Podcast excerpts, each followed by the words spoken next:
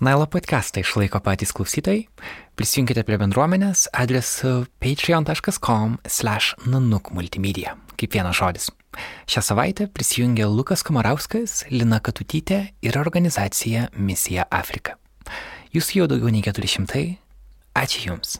Jūs leidžiate mūsų žurnalistikai būti.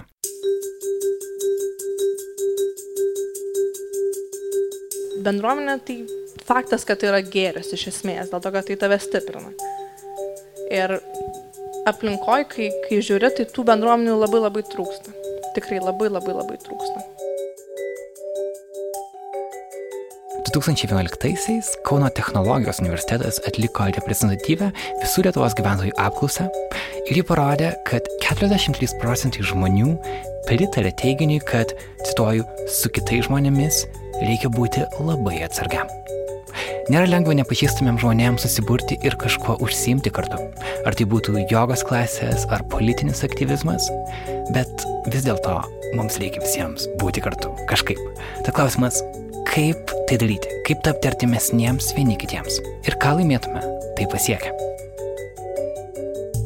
Yra viena bendruomenė, kuri veikia puikiai milijonus metų ir iš jos tiesiog galima ją pastebėti ir iš jos išmokti. Tai yra gamta, kai nėra klausimų, kas ką turi daryti, viskas tiesiog auga, keičiasi ir prisitaiko. Sveiki visi, čia Karolis iš Nanuk.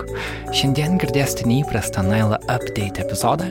Jį įrašyti nuvykome į Palangą, kur kartu su Eglė Murauskaitė, Marylando universiteto mokslininkė, pakvietėme žmonės kalbėtis apie bendruomeniškumą. Diskusija vyko Liepos 10-ąją Palangos kablyje.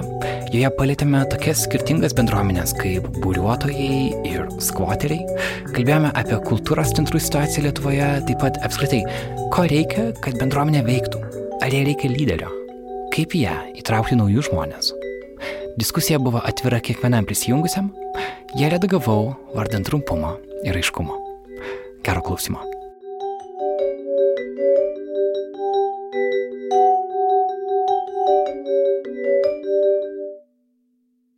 Vietų dar yra orate, kviečiu prisijungti. Ačiū visiems atėjusiam į Nanuk podcast'o diskusiją. Ačiū kabliui, kurie sutiko mus čia priimti. Aš esu Karolis Višniauskas, Nanuk podcast'o vienas vedėjų ir redaktorius. Ir kartu yra... Eglė Murauskaitė, Marylando universiteto vyriausiai mokslininkė. Kuruoju Nailą podcast'o update rubriką apie pasaulio įvykius ir tendencijas pačią bendruomenę temą pasiūlė tu Eglė ir aš noriu tavęs paklausti, kodėl ši tema tau buvo svarbi. Nu, man atrodo iš tikrųjų, kad e, bendruomenės šiais laikais yra toks kaip ir mažas e, žmogaus pasaulio centras kiekvieno, nes e, valstybė, bent jau Lietuvoje, atrodo kaip galbūt per didelis darinys spręsti daugumą problemų, kurios mums kasdien iškyla. Tai yra kažkoks, nu, sakykime, abstrakti idėja, kuriai mes visi kartu kažkiek identifikuojam, per šventės dainuojam himną, nu, kas dainuoja, kas nedainuoja. Um, galbūt mes sutarėm dėl kažkokių bendrų dalykų, kaip kalba ir kaip mes interpretuojam istorinę praeitį, uh, bet iš tikrųjų žmonių kasdien yra aplink tave daug, su vienais tu nori labiau būti, su kitais ne. Ir, sakykime, už tavo šeimos rato, kur yra labai pažinus žmonės, labai ma mažas jų kiekis, sekanti grandis prieš tą didįjį abstraktą valstybę, yra visos bendruomenės, kurioms tu priklausai. Ar tai būtų tavo, nežinau, mesgymo būrelis, ar tai būtų tavo namo kaimynai, ar tai būtų tavo golfo klubas, bet tai yra žmonės, su kuriais tu rečiau arba dažniau susitinki ir su kuriais tu noriai identifikuojasi ir leidi laiką. Ir, sakykime, nors aš šiaip pagal specialybę daugiausia domiuosi saugumo klausimais ir visada galvoju apie tokius nu, strateginius dalykus, labai dažnu atveju, jeigu mes kalbam apie valstybės gynybą, apie bendrą ateitį mūsų ar ne, tai žmonių noras dalyvauti šitam bendram projekte dažniausiai atsiriamia į tai, kaip gerai arba kaip blogai jie jaučiasi bendruomeniai. Ar jie jaučia, kad jie kažkam priklauso, ar jie jaučia, kad kažkam jie rūpi, kad kažkam jie yra reikalingi. Ir man iš tikrųjų dažnai rezonuodavo ta tema per eilę didesnių, platesnių temų, kurias mes nagrinėjom šiais metais - užsienio politikos temos, rinkimų temos, mažumų temos. E, tai dabar noriu pasinaudoti progą, kad esam palangoj, turim šitą erdvę labai atvirą, kur mums buvo palikta vietos nudaryti, ką norim. Tai norėčiau išgvildenti šitą klausimą išsameu. Ir labai džiaugiuosi, kad pavyko prisikviesti tiek daug skirtingų žmonių su skirtingom patirtim. Ir man pačiai iš tikrųjų yra labai įdomu išmokti, sužinoti e, va šitų klausimų, kiek įmanoma daugiau skirtingų perspektyvų. Tai galbūt žmonėms, kurie mūsų live rate dalyvauja pirmą kartą, norėčiau dar pasakyti, kaip mes įsivaizduojam visą šitą pokalbį. Mes labai norim įtraukti, kiek įmanoma daugiau žmonių, bet, nu, absoliučiai nieko neprivartaujam kalbėti. Jeigu nenorite, galite tiesiog smagiai klausyti. Ir turime keletą žmonių, kurie, mano nuomonė, kurių pasidalinimai būtų ypač verti dėmesio ir, sakykime, penas mintims. Tai bet e, pačiai pradžiai, prieš išgirstant, va, tas, sakykime, išsamesnės kažkokias patirtis ir istorijas, aš norėčiau, kad mes kiekvienas apeitume ratu ir tiesiog pasakytumėt savo vardą ir bendro, kokioms bendruomenėms jūs priklausote, Vat kas, kas jums atrodo, kokiose bendruomenėse jūs dalyvaujate, ar ne? Tai aš galiu pradėti nuo savęs, kad mano vardas yra Eglė, bendruomenė, su kuriuom aš identifikuoju dabar, yra jogos bendruomenė, palangos bendruomenė, saugumo bendruomenė, skaitovų klubų, sakykime, skaitančių žmonių bendruomenė ir ekspatų bendruomenė, tai žmonių, kurie nu, yra sugrįžę į Lietuvą po kažkurio laiko. Buvo laikas, kai aš identifikavau su šokių bendruomenė, dabar jau nebe taip labai. Tai perleidžiu mikrofoną toliau. Tai aš esu Martynas, priklausau, manau, pagrindinė būtų palangos bendruomenė mūsų, kaimynų toks mažas ratas, kaip irgi bendruomenė, Ir šiaip filmuoju, tai irgi toks kaip filmuotojų, gal bendruomenė, nežinau, labai tokia plati, bet kol kas tiek. Sveiki, esu Aiste. Manau, priklausau savo visų pirma mokyklos bendruomeniai, tada Vilniaus bendruomeniai. Taip pat manau, jog mes visi Lietuvoje esam kaip viena didelė bendruomenė.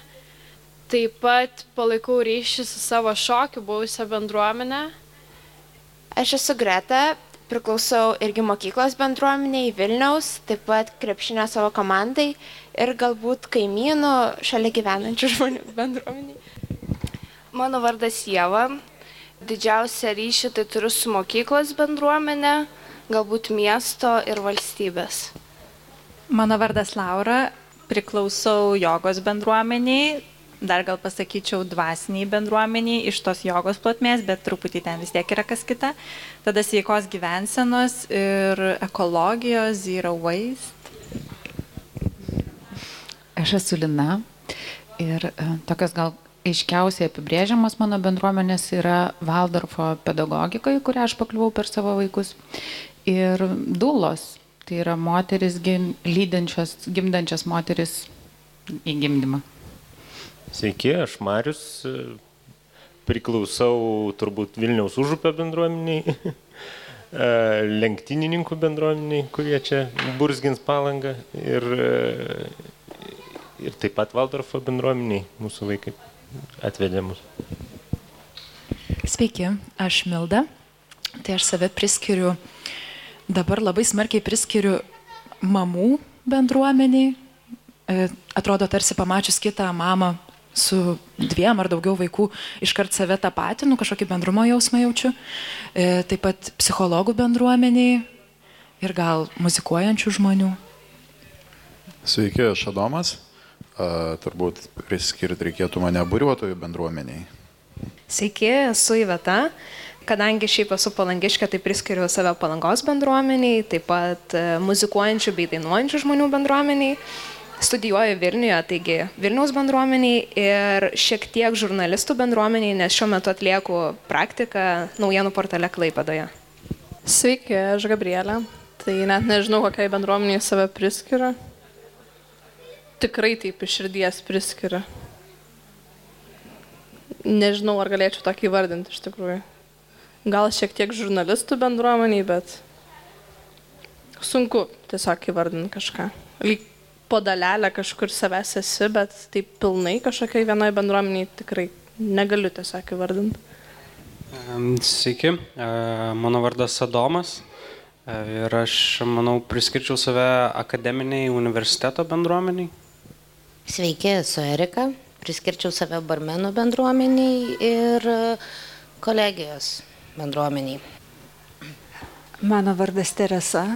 Aš pagalvojau nu, apie bendruomenės apibrėžimą. Tai jeigu galvoti apie bendruomenės apibrėžimą, tai ką aš kartu darau su kitais žmonėmis ir iš to gaunam kažkokį rezultatą, tai būtų psichologų bendruomenė, tada e, minančių moterų, e, neprofesionalių, mėgėjų e, bendruomenė, minančių dviračius ir krikščioniška bendruomenė.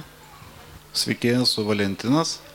Pirmiausia, save priskirčiau Stalgėno kaimo bendruomeniai, tada Plungės miesto rajono kultūros ir meno bendruomeniai, muzikos mylėtojų ir didžėjo bendruomeniai, bei turėjau šiokių tokių sąsųjų, nu, kaip čia sakyt, buvau bendruomenės dalis tam tikro New Age judėjimo dvasinio kelio bendruomeniai, iš kurios paskui išėjau tiek. Sveiki, aš Margarita galbūt save priskirčiau mamų bendruomeniai, jau dabar Stalgėnų kaimo bendruomeniai, kadangi su vyru kol kas ten gyvename, teisininkų bendruomeniai, verslininkų ir plungės miesto galbūt, nes ten bandome daryti gerus dalykus. Tai tiek. Sveiki, aš esu Paulius. Tai pradžiai priklausau studentų bendruomeniai, tada jaunųjų medikų tokiai bendruomeniai priklausau ir instruktorių bendruomeniai, gaivinimą mokančių bendruomenės tiesiog tokį priklausau. Irgi. Labas, esu Kasparas, priklausau pirmiausiai, kadangi profesiniai, tai filosofų, turbūt akademiniai bendruomeniai, dar vis jaučiuosi priklausęs laisvajam universitetui. Taip pat dabar vis, vis stipriau ir daugiau priklausau Sapiengų parko Vilniuje gynimo bendruomeniai, Antakalnio bendruomeniai ir Janitų bažnyčios krikščioniškai bendruomeniai. Sveiki, mano vardas Andrius, aš gal save priskirčiau poetinio, dokumentinio kino bendruomeniai. Voilà.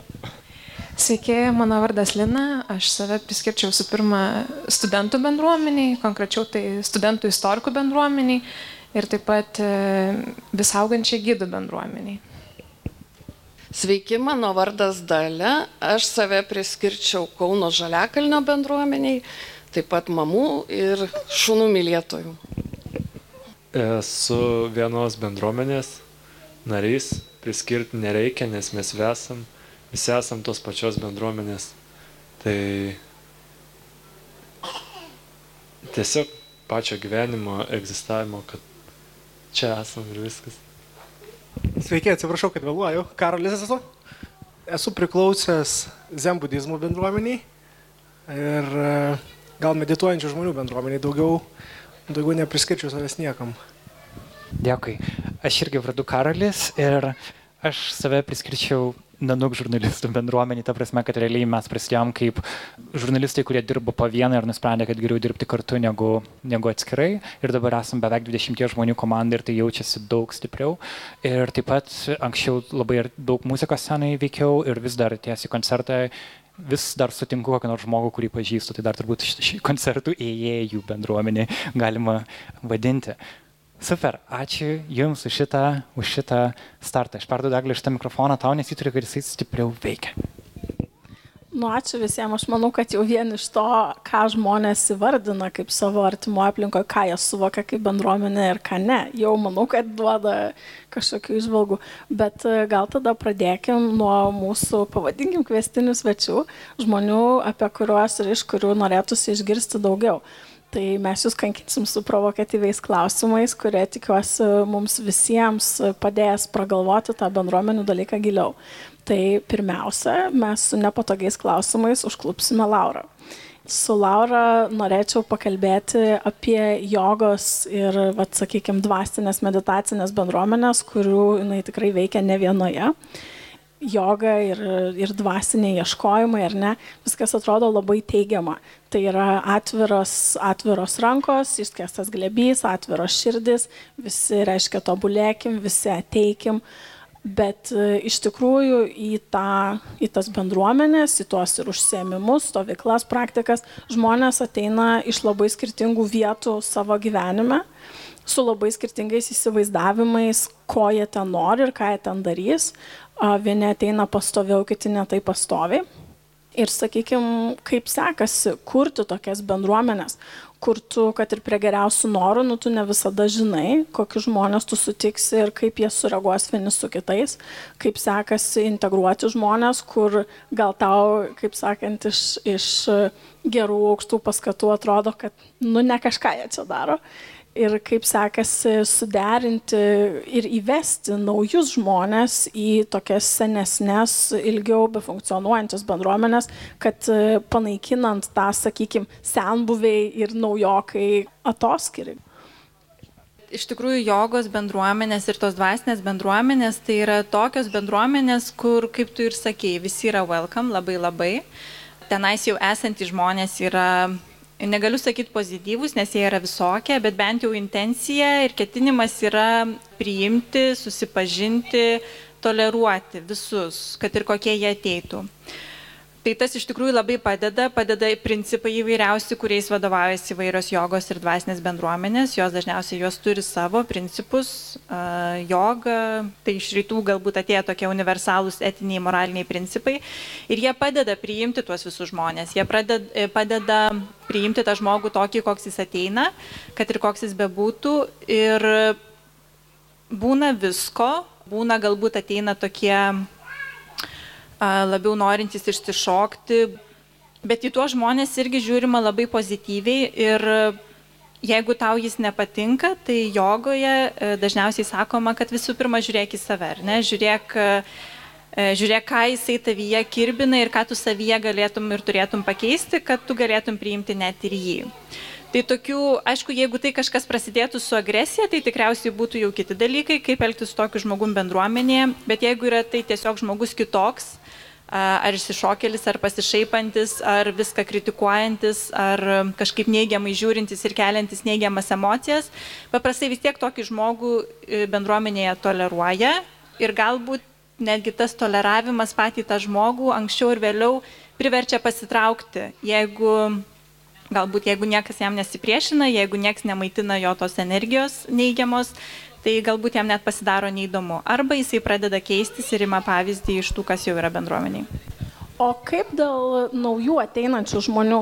Man pavyzdžiui, kaip žmogui, kuris, kuris kraustėsi šimtą kartų per visokius miestus, šalis, tai absoliučiai aišku ne tik apie jogą kalba, bet atėjus dažniausiai į bet kokią naujo užsiemimo bendruomenę, dažnai būna, kad, nu, tu matai, kad čia yra, sakykime, klika žmonių, kurie, nu, jau čia šimtą metų, jau čia viską žino, jau ten visi savekiai apsikabina, pasibučiuoja ten viską. Ir, o nauji žmonės ateina ir jie taip, nu, būna nejaukiai kamputį. Ir, pavyzdžiui, aš užsienį pastebiu, kad yra labai sistemingos pastangos užsiimti su vat, naujai žmonėm, kad jie net kristų, juos specialiai pakalbina, specialiai pakviečia.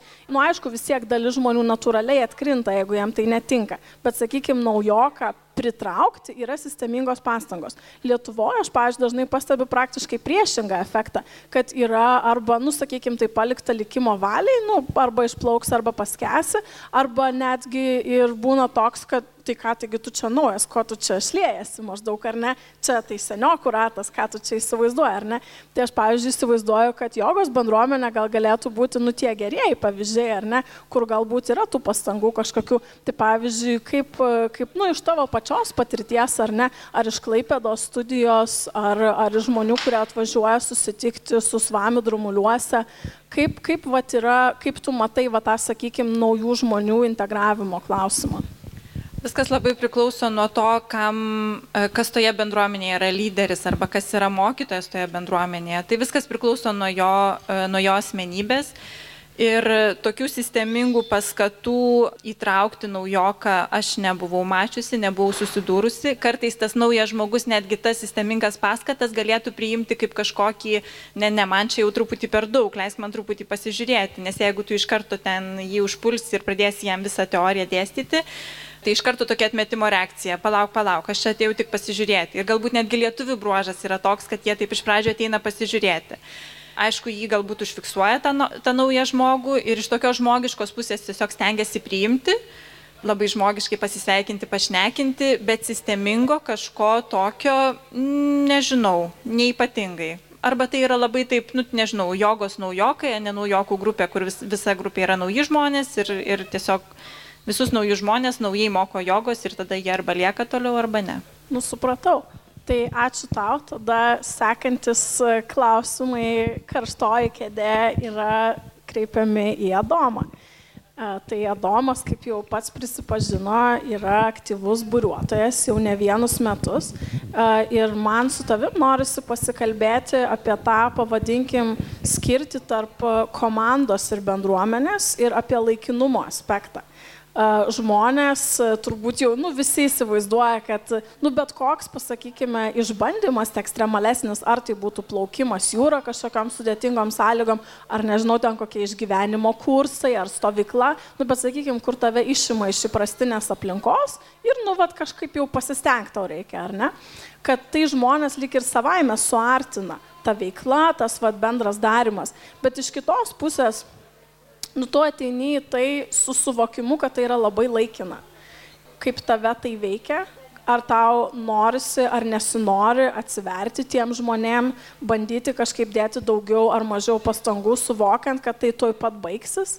Kaip pavyzdžiui, tau atrodo žmonės reaguoja, sakykime, ar priklauso dinamika, nu, vad, kiek, kiek žmonės ar susibendrauja, ar ką, nuo, nuo laiko, kiek jie praleidžia kartu. Ir tai vis tiek yra, nu, žmonės vėl nepažįstami, dažnai atsitiktiniai sumesti ekstremalią situaciją, kuri yra laikina. Yra potencialas, bet yra ir tokie stabdantis faktoriai. Tai kaip pavyzdžiui, kaip tai veikia įdomu? Tai be abejo laikinumas e, būriuojant, sakykime, toj, na, ką tik susiformavusiai bendruomeniai, kurie, na, tai yra įgula, tikriausiai apie tai kalba eina. Tai, na, jis yra labai apibrieštas. Tarkim, jeigu mes išplaukiam savaitėjai, tai yra visiškai aišku, kad vat, po savaitės ta įgula išsiskirstys, kadangi, na, mes E, rengiam tokius, na, būrevimo mokymus naujokams. Be abejo, susirenka skirtingi žmonės iš e, visai skirtingų sferų, skirtingo amžiaus. Tai priklauso nuo e, laiko, kurį praleidžia kartu. Bet, na, galiu pasakyti, yra toks posakis, draugystės pabūrėmis nesuvaidinsi ir jis yra iš tikrųjų labai teisingas. Po kelių dienų dažniausiai įgula susidraugauja. Ir labai dažnai tenka stebėti, E, na, mes jau tie reguliarių įgulų nariai kartais būna ir neišeinam iš klubų, kai nuplaukiai, tarkim, visbi jau ten kelintą kartą tais metais ir kelias dešimtą iš vis. Bet įgula dažniausiai laikosi kartu, nebūna taip, kad jie išėję į krantą, e, ne, ne visada, bet, e, sakau, dažniausiai. Jie ir laisvalaikį krante, nors susitiko ką tik, visgi leidžia kartu. Ir reiškia, tarkim, antras kelionės etapas būna labai dažnai stebi žmonės taip iš šalies ir matai, kad jie jau susibičiuliavo, reiškia, ir bendrauja taip, lyg tai būtų daug metų pažįstami. Ir be abejo, jie dalinasi tam tikrais dalykais, kas atrodo pakankamai keista, e, žodžiu, e, vėlgi lyg būtų pažįstami daugybę metų, kažkokiais išgyvenimais ir, ir įspūdžiais ir visais kitais, tokiais, na, potyriais, sakykime, kur e, kartais tu krante iš vis jau niekam neatskleidi galbūt. O jūroje, toj mažoj erdvėjai, na, gyvenant po būrėmis, labai daug dalykų, e, reiškia, kažkaip taip, na, atviriau vis dėlto, reiškia, e, dėstoma. Nu ir kaip tau atrodo, kas čia yra lemiamas faktorius? Ar tai yra tai, kad žmonės, nu pavadinkim, suspenduoja savo įtarumą, savisaugą, vat vien dėl to, kad iš serijos aš tų žmonių daugiau niekada nepamatysiu? Ar kaip tik tai, kad jie daro, vat, pasakykim, nu mokosi kažko tokio intensyvesnio kartu, kad jie atsiveria ir jie, nu, lieka kažkuria prasme tam ryšyje? Na, bendrumas atsiranda per, per tai, kad yra, reiškia, labai aiškus bendri uždaviniai. Ne? E, laivas yra mažas pasaulis, nutolsti nuo kranto, e, nuo bendro įgulos darbo labai daug kas priklauso, ta prasme, arba tas laivas plauks sklandžiai, galų galia, jeigu yra kažkokios ekstremalesnės sąlygos, nuo bendro įgulos darbo priklauso, na, galų galia netgi taip jau e, šiek tiek hiperbolizuojant išgyvenimas, ne? Nors būna ir tokių situacijų, kad visgi įgula turi labai sklandžiai dirbti, e, kad, kad, kad na, neturėti jokių praradimų, nuostolių, aš nekalbu apie žmonės, e, reiškia, kad ir na, tiesiog išsaugot sveiką laivą. E, reiškia, Įgula visgi turi būti, na, sakykime, kaip vienas kumštis tam, kad viskas vyktų gerai ir sklandžiai. Tas dalykas tikrai suartina žmonės. Ir, ir, ir matyt, tai yra pagrindinis dalykas. Įguloje negali būti tokių, na, sakykime, individualybių, e, kur kiekvienas veiktų atskirai. E, vis dėlto, jeigu yra, na, atliekama kažkokia užduotis, tai atliekama komandiškai. E, tas dalykas suartina žmonės, be abejo. Dėkui, Adomui. Um, su mumis taip pat yra Valentinas, atvykęs čia iš Plungės. Valentinai, tu labai džiaugiuosi, kad čia esi, nes tu dirbi kultūros centre. Uh, kuri yra tarsi institucija tam ir sukurta, kad burti žmonės miesteliuose, miestuose. Klausimas, kiek realiai tai veikia. Jo, per didžiasias šventės valstybinės taip, bendruomenė susirinka, pagėda himną, pasidžiaugia visi, bet ir viskas tuo ar baigėsi. O daugiau tai labai pavieniai, o šiaip tai, sakysiu, gan gal taip grubiai, bet ta bendruomenė laikosi ant klumpių ir šiaudinio kepurių ir ant nu, popso, taip pasakykim, nes ta bendruomenė, kurie galbūt nori kiek kitokios kultūros ir jinai mažyti ir iš tikrųjų didelio palaikymo tam nėra.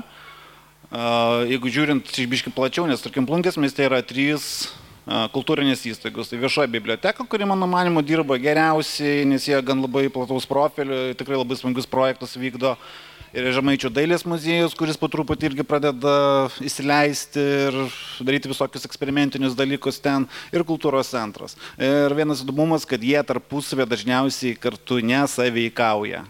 Tarkim, jeigu muziejus turi erdvę, fainą erdvę, tu nori kažką daryti, bet tu neturi aparatūros, kultūros centras to jos nepaskolins, nors jie turi tą aparatūrą. Arba, tarkim, jaunimas daro renginį prie fontano, sako, ar galit sėdmaičius paskolinti Ne, negalim, nes taip pat yra mūsų fiškė ir e, mes negalim jam duoti. Čia buvo prieš metus, dabar jau pabiškit duoda, bet tokius nudrengtus. Tai ką aš išvelgiu, kad iš esmės e, yra noras kurti tą bendruomenę, bet iš tikrųjų nėra to stipro pagrindo ir aš kaip išvelgiu, kad kol uh, nenori viską suverti ant, ant vadovų, bet iš esmės yra pakankamai išsivystęs tas egoistinis požiūris, uh, kad uh, ką aš darau, tai yra mano, o ką kita, tai yra nu, ne mūsų. Nu, iš tikrųjų įdomios tavo išvalgos e, iš vienos pusės, kad e, aš kai gyvendavau Vašingtone, man toks būdavo biški juokas, kad e, kai tu kalbėjai apie klumpės ir šiaudinės kepurės, atrodo, kad Amerikos lietuvių bendruomenės dar, jungia tas, dar pridėčiau bažnyčią. Ir, ir jeigu va, tu kažkaip neidentifikuoji su šitais dalykais, tai rasti, sakykime, lietuviškumą užsienyje yra gana problematiška. Tai, žinai, iš vienos pusės man tai visada būdavo klausimas, nu, ar yra geriau taip negu niekaip. Aš pasirinkau, kad man buvo geriau niekaip, bet įdomu, kaip yra kitiems. O kitas dalykas, ir, nu, iš to išplaukia, e, mes kaip paskelbėm apie šitą renginį su Karoliu ir norėjom, e, nu, sudominti daugiau gal ir palangiškius, ne tik tai iš savo pažįstamų ir draugų, draugų rato, ir įdėjom skelbimą į palangos grupę. Ir pakomentavo vienas žmogus, kokia čia bendruomenė, žodžiu, palango yra trys grupės, jos su, viena su kita niekaip, tai Facebook'e, Facebook'e, kad e, jos, žodžiu, viena su kita niekaip nesaveikauja, dar plus ir yra priešingos. Bet aš, pavyzdžiui, kai kalbėjausi su skirtingom erdvėm ir aš klausiau, gal jūs norėtumėt, nu, iš kitų ar kavinių, restoranų, sakykime, žmonės, kurie irgi bando daryti renginius, gal jūs norėtumėt ateiti pakalbėti. Tai ir mano, aišku, buvo klausimas, nu tai kaip čia su tom bendruomenėm, ar čia, kad mes konkurentus kviečiam, ar kaip. Jie, pavyzdžiui, visi sakė, oi nežinokit, mes čia labai bendradarbiaujam, mes labai norim. Tai man tada dažnai kyla klausimas, a, nu, ta bendruomenė matomai tikrai yra pagrista daugiausia interesais, o ne vieta, ar ne? Nes jeigu, pavyzdžiui, pavadinkim, palangos e, renginių organizatoriai jaučiasi kaip bendruomenė, bet palangiškiai veikiantys Facebook'e nesijaučia kaip bendruomenė jeigu lietuviai šokantis klumpakojai Vašingtone yra bendruomenė, o nešokantis nėra. Tai iš tikrųjų, nu, apie ką tos bendruomenės, ne, vieta versus interesas. Tai kaip to, pavyzdžiui, atrodo maža miestelį, ar, ar yra šansų išlipti iš tos vietos pastų ir galbūt prisijungti prie bendruomenės, kuri tau tikrai būtų artima? šansų tikrai yra. A, tik vėlgi aš manau, kad yra ne vienerių metų darbas. A, iš tikrųjų labai trūksta, kad visą tą užsuktų jaunų žmonių, bet ir šiek tiek galbūt mačiusių pasaulį, a, kurie galėtų ateiti tą erdvę į tą bendruomenę ir pradėti sukti varikliuką. O iš esmės, tai aš manau, kad kas turi pasikeisti, tai dar pas mus iš tikrųjų aš nenoriu kalbėti už kitus miestus, miestelius, bet kalbant apie tai, ką aš matau pungit, iš tikrųjų postsovietinė žanro klasika, kurią bent aš labai noriu keisti ir bandau keisti ir atsiranda tų palaikytojų tiek iš muziejaus, tiek iš bibliotekos. Tiek iš pavienių tokių, kaip sakyt, kultūros ir meno mylėtojų, bet vėlgi, kol yra atitinkimi žmonės, kurie priima sprendimus ir daro įtaką, o juos labai sunku pajudinti. Ačiū. Tai paskutinis iš mūsų kvestinių svečių yra Kasparas. Ir Kasparas yra, pavadinkime, draugas anarchistas, kaip mes juokavom su Karaliu. Tai Kasparai, aš turiu klausimą apie vienijimą žmonių negatyvių pagrindų, gal čia būtų per daug paprasta tą pavadinti, bet pasakykime antipagrindu, ar ne? Tai man labai įdomi yra tavo patirtis šitoj, šitoj vietoje veikimas, pasakykime, ėjimas prieš sistemą, kovojimas daly, nu, prieš kažkokius dalykus, ar ne? Nes iš vienos pusės tai kai mes, pavyzdžiui, galvojam, nu, kaip Lietuva, istorinė atmintis, ar ne, mes atsigrėžiam į ten šlovingo sąjūdžio laikus ir visi prisimena, kaip ten buvo Baltijos kelias, kaip susikabinom už rankų ir visi sako dabar, kad nu, mes negalim atkurti vat, tokio stipraus solidarumo jausmo, nes tas jausmas buvo pagrystas anti-sentimentų, ar ne? Tai buvo ne tiek už sąjūdį, kiek prieš Sovietų sąjungą, ar ne? Tai ir kai mes dabar žiūrim, pavyzdžiui, aš e, esu visiškai tikra, kad, e, sakykime, žmonės, kurie prijaučia anarchistams ar kitiems antisisteminiams judėjimams, jų tikrai nėra tiek mažai. Mesgi turime žmonės, kurie pre, nu, protestuoja prieš gyvūnų išnaudojimą, kurie kalba, nu, kaip ir už ekologiją, bet, sakykime, prieš medžių kirtimą labai konkrečiai, ar ne? Tai kaip, vat, kaip iš tavo konkrečios patirties vienijimas žmonių antiprincipų, ar tai yra stipresni klyjei, ar ar ilgesniuoju laikotarpiu tai išsivaikšto ir kaip jeigu tu esi kokiose nors, sakykime, pro bendruomenėse, kad ir tam universitete pačiam, ar tu jauti kokį nors dinaminį skirtumą tam bendrabuvėje žmonių?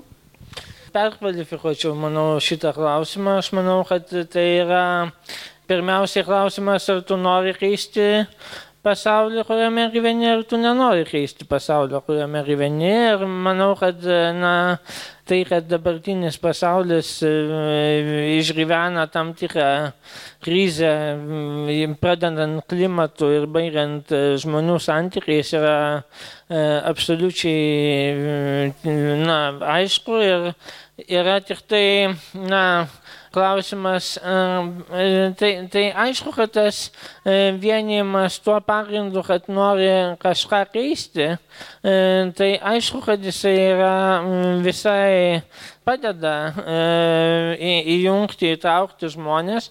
Tik tai klausimas, kaip keisti. Tai pirmiausiai galima keisti ar ne save, save pačius, migruoti tam tikroj iš anksto apibrieštoj tapatybių sferoje.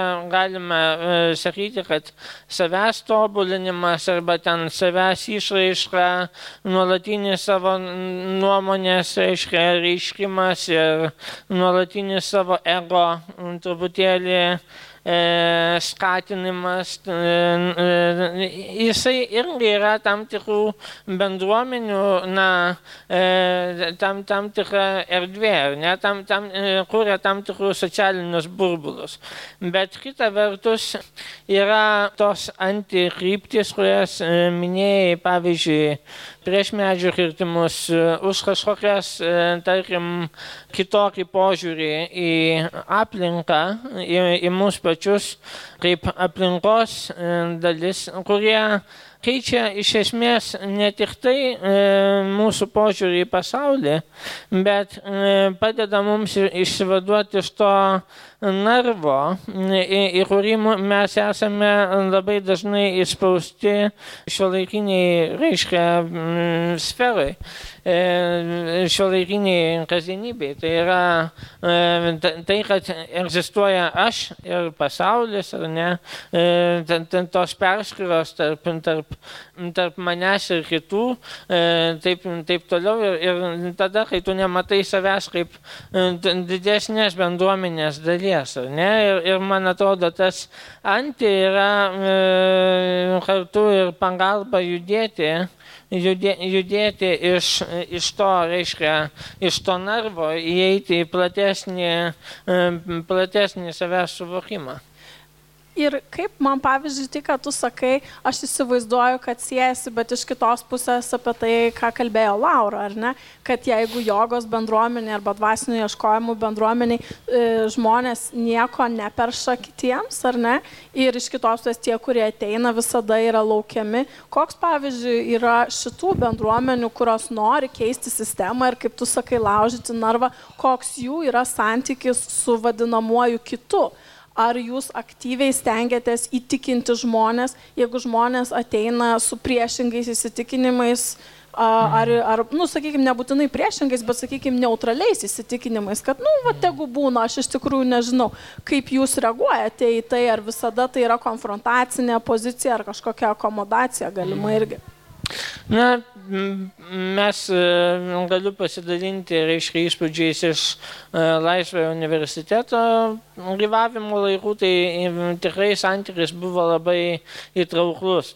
Mes tikrai, pas mus labai ateidavo na, nemažai žmonių, kurie tiesiog norėdavo dalintis. Reiškia, tas, tas noras dalintis. Kas praeitys tarp Laisvosios universitetas ir toks Vilniaus reikalas, galbūt žmonės, kurie nėra iš ten, gal nežino, ne kas tai yra.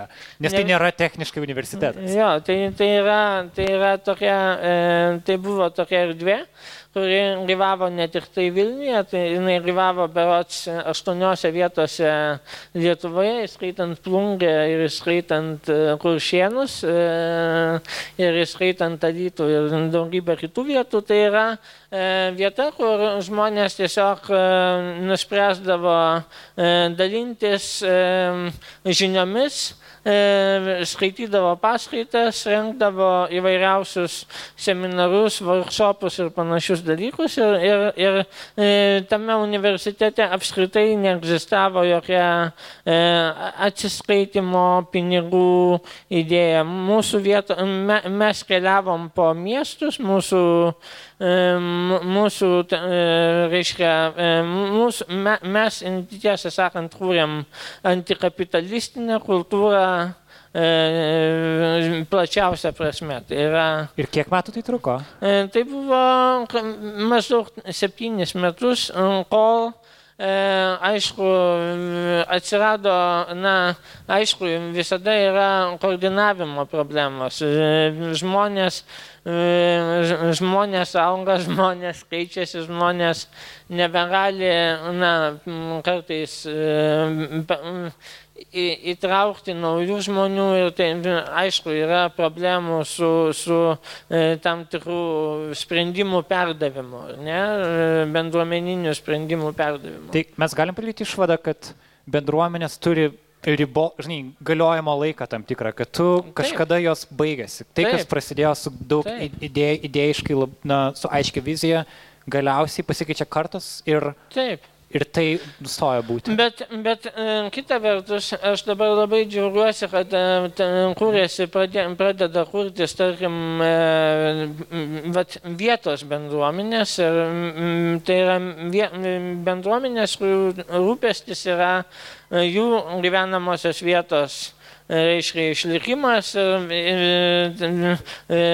Sapiegos parke Vilniuje mes saugom, tarkim, medžius nuo iškirtimo, mes pradedam įvairias kitas veiklas ir aišku, kad tos vietos, tam, tam tikra vieta, vieta ir jos išlikimu su, suinteresuotos bendruomenės, jos taps dar gali tarpti dar įdomesniem ir dar dinamiškesniem. Tai labai ačiū mūsų pašnekovams, kurie drąsiai kalbėjo patys pirmieji apie savo patirtis įvairiose bendruomenėse. Ir dabar aš norėčiau atidaryti diskusiją visiems. Ir norėčiau užduoti klausimą į platų jėterį ir paskatinti drąsiai kelti rankas ir, ir kalbėti. Norėčiau paklausti žmonių, kokia jums yra pati stipriausia patirtis bendruomenėje, kurioje jūs buvote.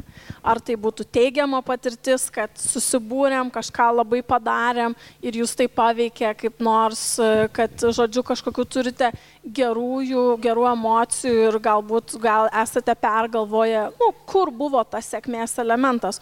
O gal kaip tik, pavyzdžiui, atėjote į kažkokią bendruomenę ir žiauriai nusivylėt ir, ir visiškai ten e, jūs tas kaip nors, e, nežinau, nu nebuvo tai, ko jūs tikėjotės ir galbūt irgi turit kažkokių refleksijų, kodėl taip galėjo įvykti. Tai stipriausia patirtis iš jūsų buvimo bendruomenėse, tai ieškosim rankų, gal pirmiausia tų žmonių, kurie dar nekalbėjo ir tada siūsim mikrofoną ratu. Ačiū. Paskutinį kartą, kada taip jaučiaus kažkokia bendruomenės dalis, tai ir buvo, nežinau, gal ne visi žino, bet Isaac, Isaac tokia jaunimo organizacija studentų. Ir mano patirtis buvo ten tikrai labai labai nuostabi, dėl to, kad ten bendruomenė yra tarsi kaip kumštis, bet iš ten aš pasisėmiau to, kad bendruomenė reikia lyderių. Bendruomenė vis laik reikia lyderių, kurie tarsi, kai nauji žmonės ateina, tarsi jiems tarsi nušviestų ir, ir parodytų tas idėjas ir vertybės.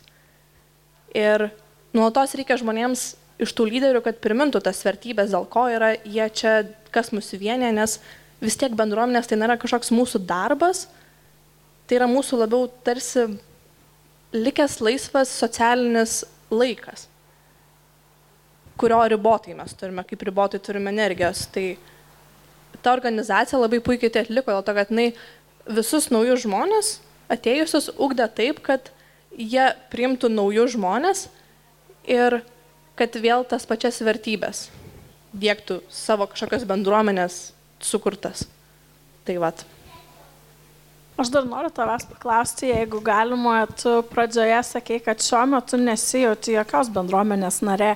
Ar tu norėtum papasakoti, kodėl taip yra? Ar tu po Aisiko, nusakykim, ar jie neturėjo gero alumni tinklo ir, nu, tiesiog pasibaigus, sakykim, tavo studijoms, tu neradai kaip įsijungti.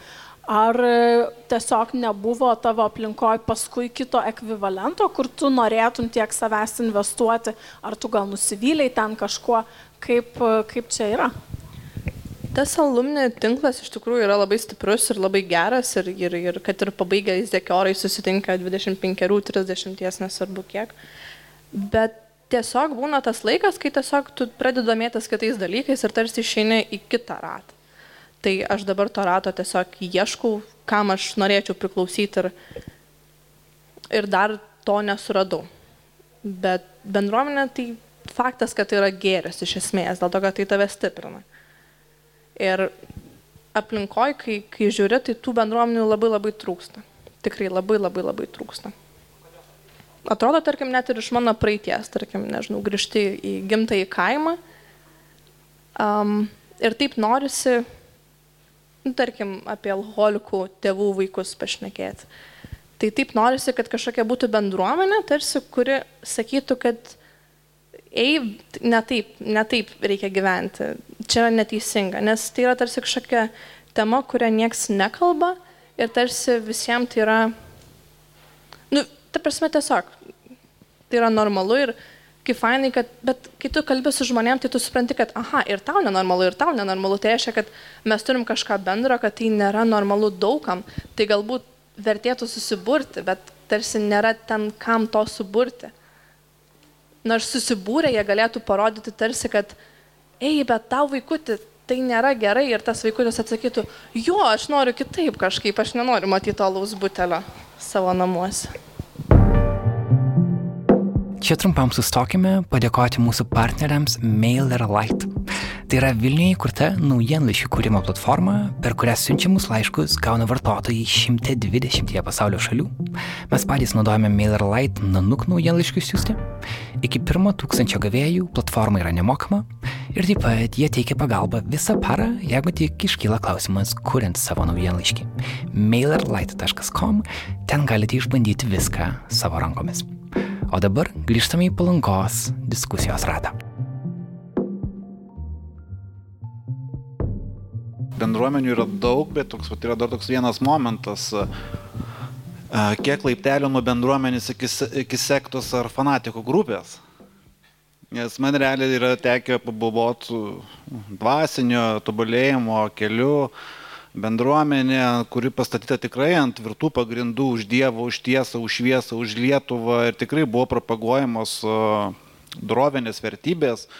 Kad nustokime ieškoti, kas mus skiria, atraskime, kas mus vienyje. Nu, tikrai lozungai geri ir susirinko, aišku, visokie bedalagos, ne iš gero gyvenimo ta bendruomenė. Uh, kaip ir viskas ok, kol to po, po kiek laiko net merkia akių, kad e, visi yra pasodinti ant psichotropinių augalų, javaską, taip toliau, taip toliau. Kai šeimos per metus 7 tūkstančius eurų palieka, nu, tai va, visas bendruomenės pamatas vertybės, plus uh, tam tikri augalai, plus vis, visas dievybių panteonas ir Marija, ir Kristus, ir Buda, ir Višna, Krišna, ko tik nori. Nu kaip ir ok, aš toj bendruomeniai buvau, iš pradžių pradėjau žiūrėti, kad čia blemba, kaip čia kažkaip čia vadovo, lyderio veiksmai biški su deklaruojami vertybėm prasilinki, kažkur pradėjau nepatogius klausimus, kažkur taip atsargiai aplinkui reikšti. Nu ką, rezultatė mane išmetė iš visų grupsų, iš visų kontaktų, tai aš supratau, kad aš jau nepageidaujamas. Nu, bet e, ten po visų šitų įvykių ten buvo dar daugiau žmonių, kurie pradėjo ten kel klausimus, o ta bendruomenė sudarė iš tikrųjų labai turtingas elektoratas ir tikrai ir garsių vardų ir e, tikrai įdomių žmonių. Dalis jų atsiribojo, nes buvo tikrai kilęs didelis kipišas kai atvirai buvo ryškimi klausimai, nu, rezultate, kiek aš kartais pastebiu tą bendruomenę, uh, bent jau oficialiai pakeitė pozicijas, pakeitė vat, kažkokias taktikas, bet tam vėlgi, bendruomenė bendruomeniai, bet čia vėlgi, tai jeigu esi stiprus lyderis, gali sektą užsukti ar netgi nu, fanatikų grupę, čia vėl priklausomai nuo veiklos.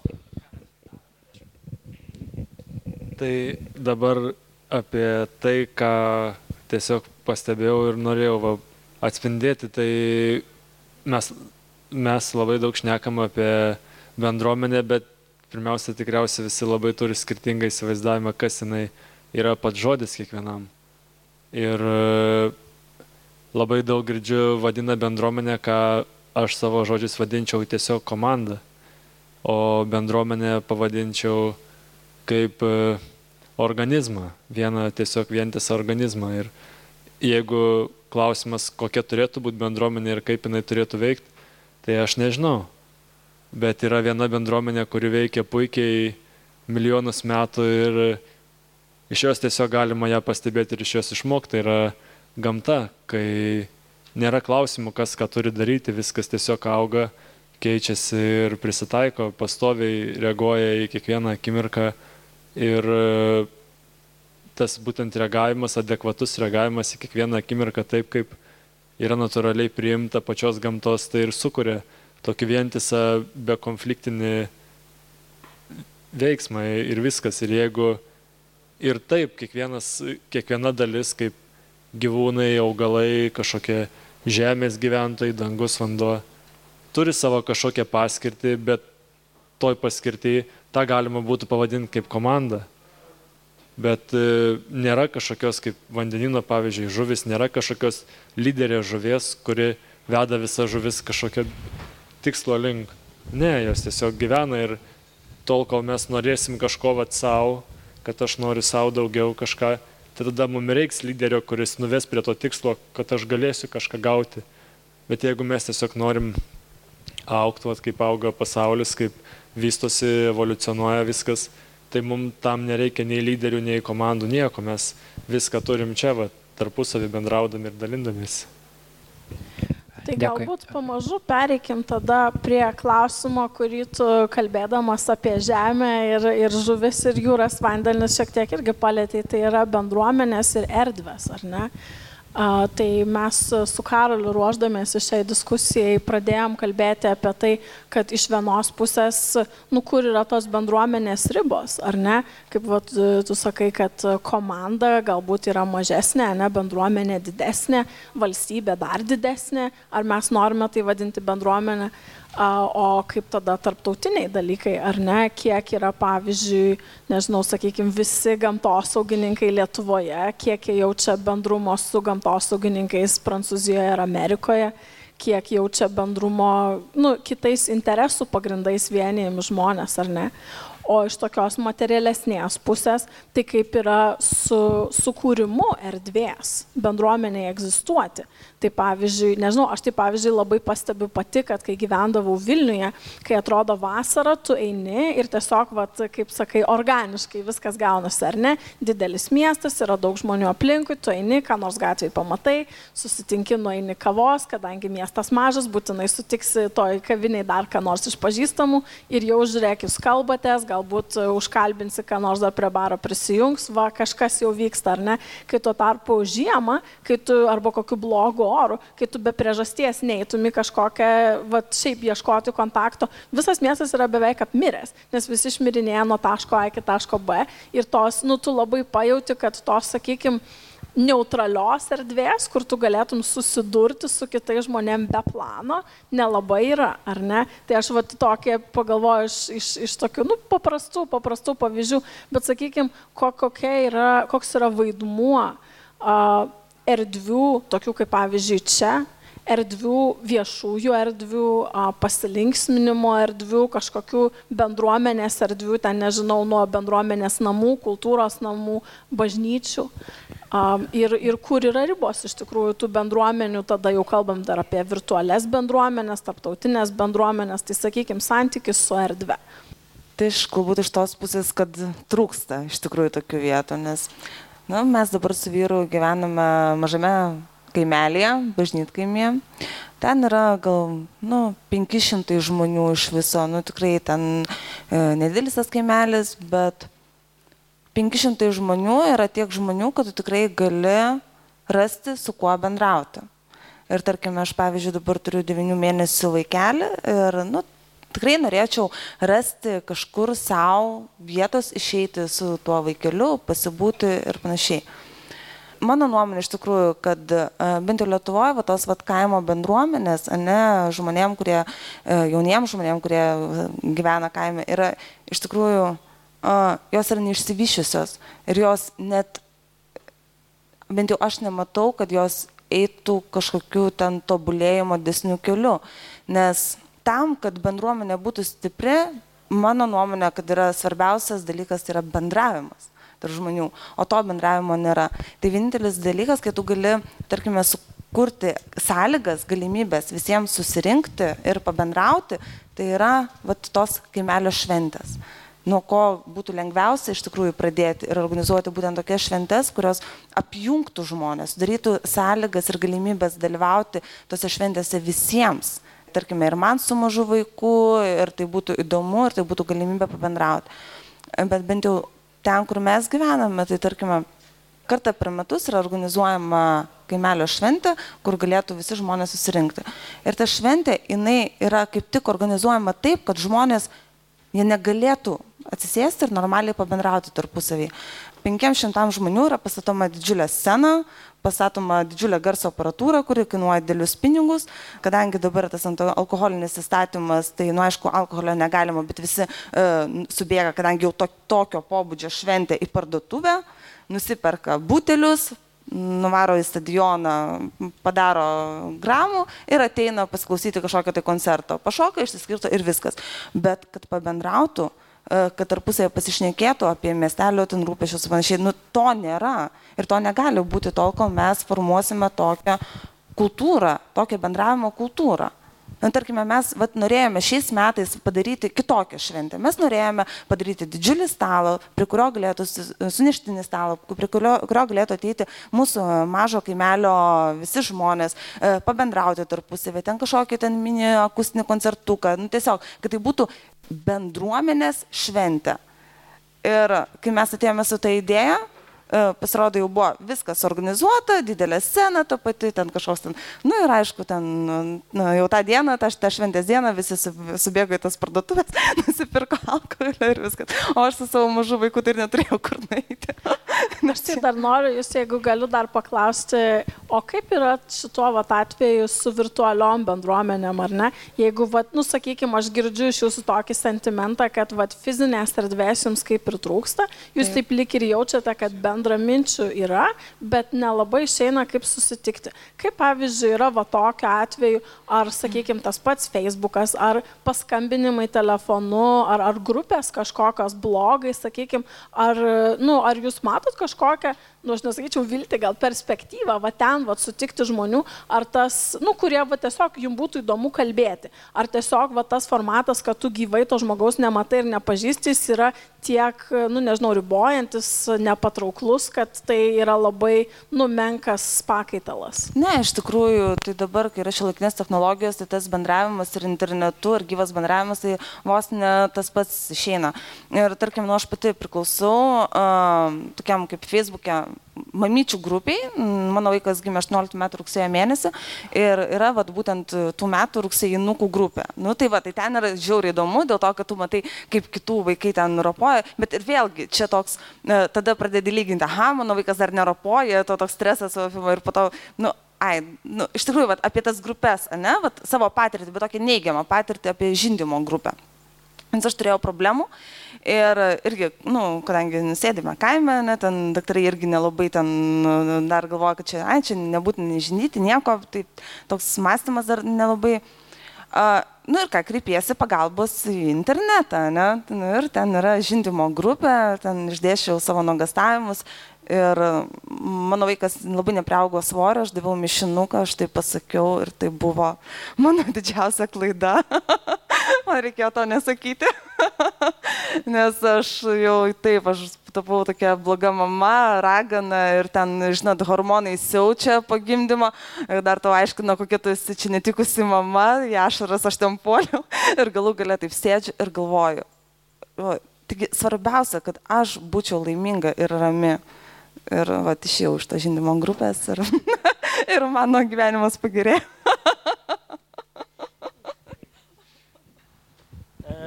Aš dar apie tas erdvės. Tai taip, pavyzdžiui, tas erdvės kūrimas ir e, tai yra vienas iš pagrindinių turbūt e, elementų toms e, prieš sistemą kovojančiams grupėms ir tai yra labai įdomus dalykai, kurie atsiveria, pavyzdžiui, na, įdomios galimybės, kurios atsiveria mums atidar, atidarant naujas erdvės. Na, visi žino turbūt skvoterių judėjimus, ar ne? Visi kai kas yra na, ir iš mano bendra, bendraminčių bandė ir skvotinti ir, ir šiaip kurti įvairiausius socialinius centrus. Tai man atrodo, kad taip, kiekvienas, kiekvienas naujas nepradeda naują kažkokį etapą bendruomenės kūrime. Ir man atrodo, kad nu, erdvė kartais šaukėsi mūsų, ne? Yra yra erdvių, kurios yra apleistos arba yra erdvių, kurios yra nenaudojamos, specialiai apleidžiamos, ar ne, ir kur mes galim tiesiog įsisukti ir padaryti savo dalykus. Aš irgi norėčiau gal apie tos kvoterius daugiau papasakoti, man yra tekę gyvai susidurti. Tai 2012 metais keliavau su kuprinė, vagabondas, žodžiu, buvau, keliaudavau su kuprinė iš vieno taško, kito tranzuodavau, su e, vilkikais keliaudavau ir taip nusigavau vieną kartą iki Kanarų salų, tai čia Ispanijai priklauso. Atsidūrus ten ant nugaros užsidėjau užrašą, kad ieško kur gyventi angliškai ir vaikščiau. Privalumas toks buvo, kad Ispanijoje atsidūrus šalia buvo pažįstama, kuri kalbėjo ispanų kalbą, aš kalbėjau angliškai, jinai irgi kalbėjo angliškai, bet susikalbėt galėjom. Ir galų gale viena rusų mergaitė priejo ir pasakė, kad yra skvotas. Tai aš niekada nebuvau buvęs skvotas, skvotas tai tiesiog išsiverčia kaip neapgyvendintas namas. Dažniausiai skvotas būna kažkoks apleistas hotelis arba kažkoks namas, kuriame prieš tai gyveno žmonės, kažkokiam aplinkybėm atsitikus, jie tiesiog išsikrausti ir tą namą apleido. Tai mes atsidūrėm hotelį, šešių aukštų, kiekvienam aukšte gal po 5-6 kambarius, tai apie 20-30 kambarių buvo. Tai tuos visus kambarius išsivalėm, per kokias dvi savaitės išsivalėm ir apsigyvenom. Tai ten daugiausiai buvo, aišku, keliautojai, muzikantai, žonglieriai, buvo ir benamių žmonių. Tai man labiausiai keista buvo, kad ten nėra tokios, bent jau Kanarų salose, kur buvo, nebuvo tokio skirstumo, kad žmogus benamis, ne benamis, jie tiesiog visi labai bendruomeniškai jaučiasi. Tai ten einant ir gatve, E, kažkoks žmogus, kuris prašo centų, tiesiog prie jo prieina, tie jauni žmonės prieina, paklausia, kaip sekas, pradeda kalbėti, kartu eina kažkur, toks bendruomeniškumas jaučiasi pas mus.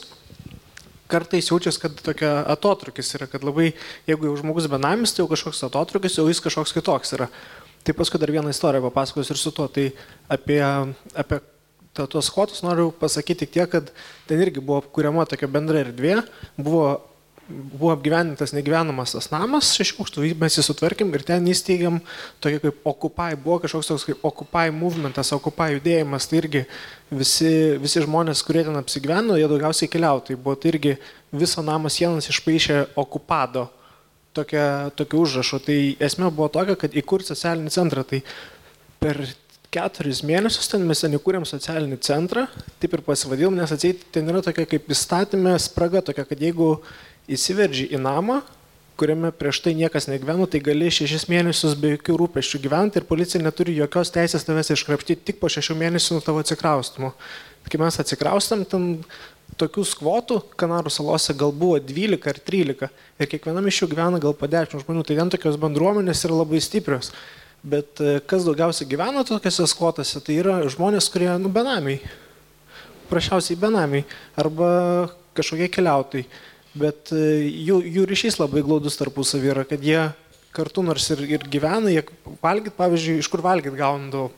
Tai būdavo e, super centrai, kaip pas Maksimui ir panašiai, tai būdavo vakaro valandos, 7 valanda ir dar antrą dienos, kada mes eidavom į priekybos centrus ir šiukšlinį imdavom maistą, tas maistas būdavo apelsinai, ananasai, įvairūs vaisius, vaisiai, daržovės. Ir paskui visą tą maistą įsidėdom į karučius ir veždavom atgal į savo skotą. Tai ten jau būdavo komanda žmonių, kadangi skotė 20-30 žmonių, tai tie žmonės būdavo pasidalinę veiklom, kas ką daro. Tai aš buvau irgi vienas iš žmonių, kuris yra atsakingas už maisto atgabenimą. Buvo žmonės, kurie yra atsakingi už e, tvarką, tai jie tvarkydavo, vesdavo elektrą, e, tapetuodavo.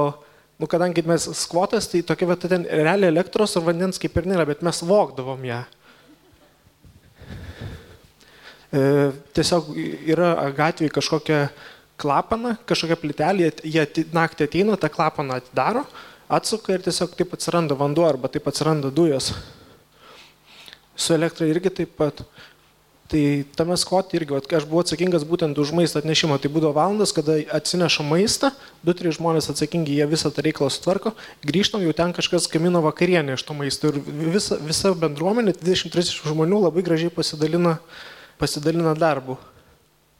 Man toks palyginimas irgi buvo, aš kada paskutinį kartą pas, pasijaučiau bendromeniškų Lietuvoje, tai gal buvo prieš du mėnesius, kai dar nebuvo, oras pradėjo šilti, aš ėjau, išėjau iš Maksimos ir prie manęs prie vienamis, sako, nupirka nors pavalgyti.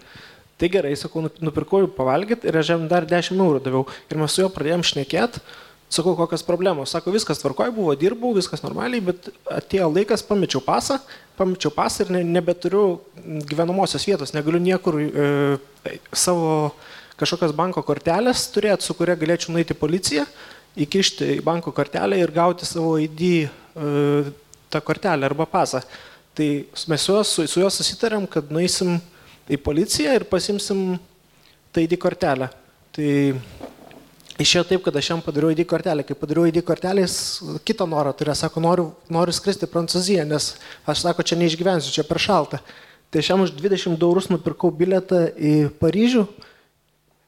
Jisai nuskrido į Paryžių ir man pasakojo, kad sako, Paryžių daug geriau gyventi, tuo vadinamu benamiu, negu kad čia, nes ten visi labai bendromeniški. Ten atskrido, kitą dieną susirado dar šešis rusų draugus kažkokius ir toliau gyveno. Bet to būtent apie bendruomeniškumo, bendruomeniškumo jausmą, kad paskui irgi taip jaučiausi. Ačiū, iš tikrųjų, tai yra nustipru ir jautru. Ir e, aš galvoju, kad, e, nu, va, tai, ką tu kalbi apie bendruomenės, kurios būrėsi, sakykime, iš neturėjimo, bet su dideliu entuzijazmu padėti vieni kitiems, prisimti atsakomybę ar ne. Vašingtonė begyvenant, man tai buvo pavyzdžiui po įspūdžių, kad uh, benamiai vietos leisdavo laikraštį, benamių laikraštis, e, pakalbėti apie benamių žmonių reikalus ir ten žodžius kainuodavo simbolinį dolerį, kas mėnesį išeidavo žodžiu pirkdavo iš žmonės, kad, kad nu, iš tikrųjų jiems buvo įdomu ir ypatingai tai sustiprėjo, kad po, po to Occupy movement irgi, ar ne. Bet e, iš kitos pusės, e, tai vad galvojant, žinai, kaip tu kalbi, aš taip klausau ir galvoju, daugelį šalių tie žmonės, kurie neturi namų, uh, jie yra vis dar, va, yra dedamos pastangos, kad jie kažkur vis dar priklausytų, ar tarpusavio parama ir gal nėra tokios dėlės stigmos ir atskirties tarp tų, pavadinkim, kurie turi namus, darbą, gyvena gal labiau socialiai įprastą gyvenimo būdą ir tų, kurie pasirinkę yra kitokį kelią. Tai mažesnė atskirtis. Uh, kitose šalyse. Bet Lietuvoje ne tik, kad yra didžiulė atskirtis tarp, nu, sakykime, tos bendrosios visuomenės masės ir benamių, bet apskritai labai mažai reikia, mano nuomonė, Lietuvoje, kad tu pasijustum užrybėje. Tikrai tau net nereikia būti benamiu. Tave, kaip sakant, išmes ir nuo tavęs nusisuks už tikrai daug mažesnius dalykus. Dieve, kiek mes galim pažiūrėti medijose, kiek yra buvę skandalų, kur, nežinau, žmogus apsigėdina, sakykime, nežinau, girtas, kokį nors prifotografuoja žymybę ar, ar kažką tokio, ar ne. Žmogus išsiskiria kaip nors skandalingai, žmogus netenka darbo, žmogaus verslas subankrutuoja. Tai, nu, mes vertybiniai vienokie ar kitokie, aišku, galim svarelį pakabinti prie to skirtingą, kiekvienas nu iš savo pozicijų. Bet vat, būtent tas e, jausmas, kad labai nedaug reikia, kad tu atsidurtum pariby ir tikrai niekas tavęs neims už rankos ir nekalbins. Ir irgi kaip vat, beklausant kitų istorijų, kad visgi jo mes visi esam apie tą patį, yra ne, ne taip sunku iš tikrųjų, pradedant nuo savęs, ieškoti to kažkokio ryšio. Nu, Lietuvoje, man atrodo, po truputėlį tas keičiasi, bet labai lietai.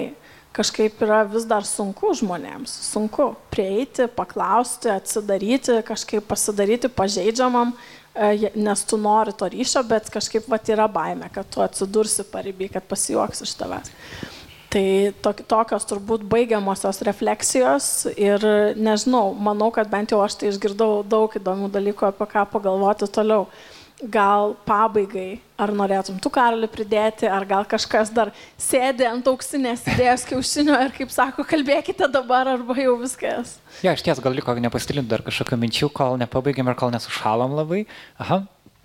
Um, aš tai gal norėčiau dar pasakyti, čia tokia ne į temą dabar gaunasi ta mintis, bet kaip uh, žmogaus bendromeniškumas formuojasi, jisai irgi turi savo uh, priežastis arba sąlygas susiformuoti. Tai dalis e, jo gal labiau ištyrinėtas yra, kaip formuojasi mūsų empatijos jausmas, kas yra, e, tarkim, sudėtinė bendruomeniškumo dalis, bent jau mano supratimu, ar ne?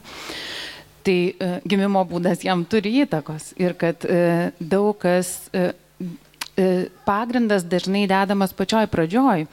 Ir tai, kad mes ignoruojame arba neskiriame dėmesio sąlygom, kokiom, kokiomis e, žmogus gimsta, ta prasme, ne fiziniam sąlygom, bet būtent e, emociniam, tai um, turi pasiekmes. Ir um, galbūt uh, yra laikas spręsti tą problemą, kad mes dabar turim problemą su bendruomeniškumu uh, suaugusių žmonių, bet galbūt verta pradėti užsimti ir prevenciją, kad ateinančios kartos susidurtų kuo mažiau su e, bendruomeniškumo stoka, tarkim, kai, kai užauga, tai galbūt verta e, atsigręžti į tuos tyrimus, kurie jau yra padaryti ir žiūrėti, kaip mes galime spręsti tą situaciją dabar.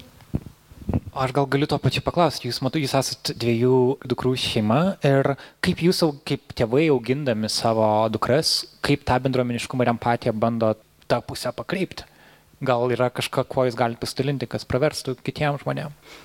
Mm, labai sunku iš tikrųjų tai um, įgarsinti, gal netgi apčiuopti yra sudėtinga, bet Mums dalis atsakymo yra ta pati minėta Valdorfo pedagogika, kurioje bendruomeniškumas yra vertybė, kuri yra skatinama, nu, pavadinkim, sistemiškai, ar ne, kad atėjus Nežinau, keletas, nedaug. Tai yra alternatyvi pedagogika, vienintelė, kuri yra taip, bet būtent dėl to mes, viena iš priežasčių, dėl ko mes ją rinkomės, dėl to, kad tai yra vertybiškai primtina bendruomenė ir man pačiai kaip mamai ta bendruomenė buvo labai, labai stipri parama tam, kad mano vaikai valgytų košę be cukraus, tam, kad jos laikytųsi dienos ritmo, tam, kad jos mokėtų bendrauti su skirtingo amžiaus vaikais. Daugybei dalykų man ta bendruomenė buvo didžiulė parama. Ir dažnai ta išraiška yra per absoliučiai būtinius dalykus, kurių internetu negali gauti, dėl to, kad gyvas bendravimas yra kitoks. Jisai turi tą pauzės, e, tylos momentą, pagarbos netobulumui e, momentą, ko internetas neturi bent jau kaip aš suprantu bendravimą Facebook'e, kokį aš jį patiriu. Okay. Dėkui iš tai. Um, gal dar paskutinės mintis kažkieno? Um, jo, ok. Tai tokį labai iš asmeninės patirties šitą galėčiau, kadangi išsiskirstysim ir išeisim savo keliais. Ir dabar viską, ką irgi išnekėjom, tai buvo tokie daugiau, nu, logiškai išaiškinami sisteminiai dalykai, kaip, nu, vat, apie lyderystę, apie komandą, apie dar kažką, bet iš esmės didžioji dalis e, visų tokių sunkumų nutinka ir, nu, jie tampa neišsprendžiami tuomet, ne tuomet, kai jie yra neišsprendžiami, nes viskas yra išsprendžiama, bet tuomet, kai mes net negebam, neturim resursų viduje sukurti atsakymą į tam tikrą klausimą o kad gebėti sukurti, tai reikia turėti gebėjimą kurti. Ir galim taip kiekvienas, nebūtinai kiekvienas, bet kai turėsit laiko, apie šitą daug galvojau, tai pagalvoti, kada vaikui pasakom, kad jisai kažką gali ar negali ir kada mes pasakom, kad jisai gali kurti ir kada jis nustoja tikėti, kad jis gali kurti. Ir į mokyklą išeina septynių metų dažniausiai. Ir jau mokykloje didžioji, didžioji dalis vaikų žino, ką gali ir ko negali, nes jam buvo tai pasakyta. Tokia ta tokia mintis ir buvo, kad į jauną kartą orientuoti tai, kad neakcentuoti jiem, ką jie gali, o ko negali, sukurti sąlygas, kad jie patys atrastų, ką jie gali, nes iš tikrųjų gali viską.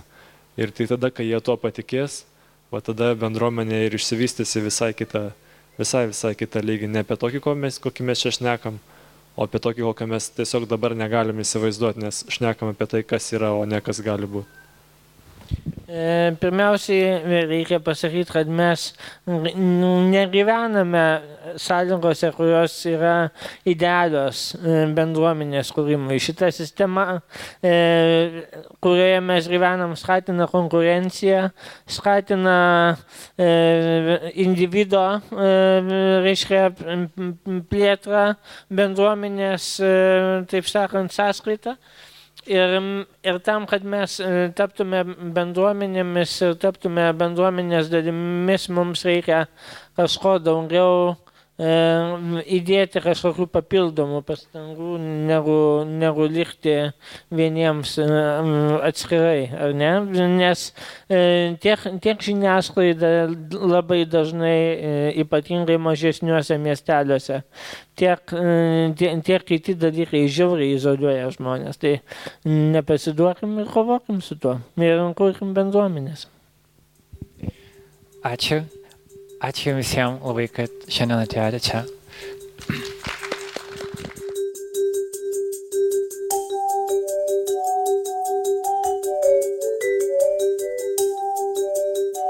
Toks mūsų epizodas šiandien. Ačiū, kad buvote kartu. Diskusija įrašyta palangoje, klube Kablys. Įrašą atliko Viltė Gustytė, o redagavau aš Karolis Višnauskas. Diskusiją fotografavo Gintarė Kulytė. Pamatykite fotografijas NileLT ir Nanuk Instagrame. Mano studijinį balsą įrašome nacionalinės Martino Mašvido bibliotekos studijoje. Primenu, kad Nailo podcastą išlaiko patys klausytojai per Patreon sistemą. Tikslus adresas yra patreon.com slash nanuk multimedia, kaip vienas žodis. Mūsų 100 dolerių patronai yra Vitautė Sinauskaitė, Benedikto Gylio paramos fondas ir Blossom Wood Foundation. Susitikime kitą savaitę. Iki greito.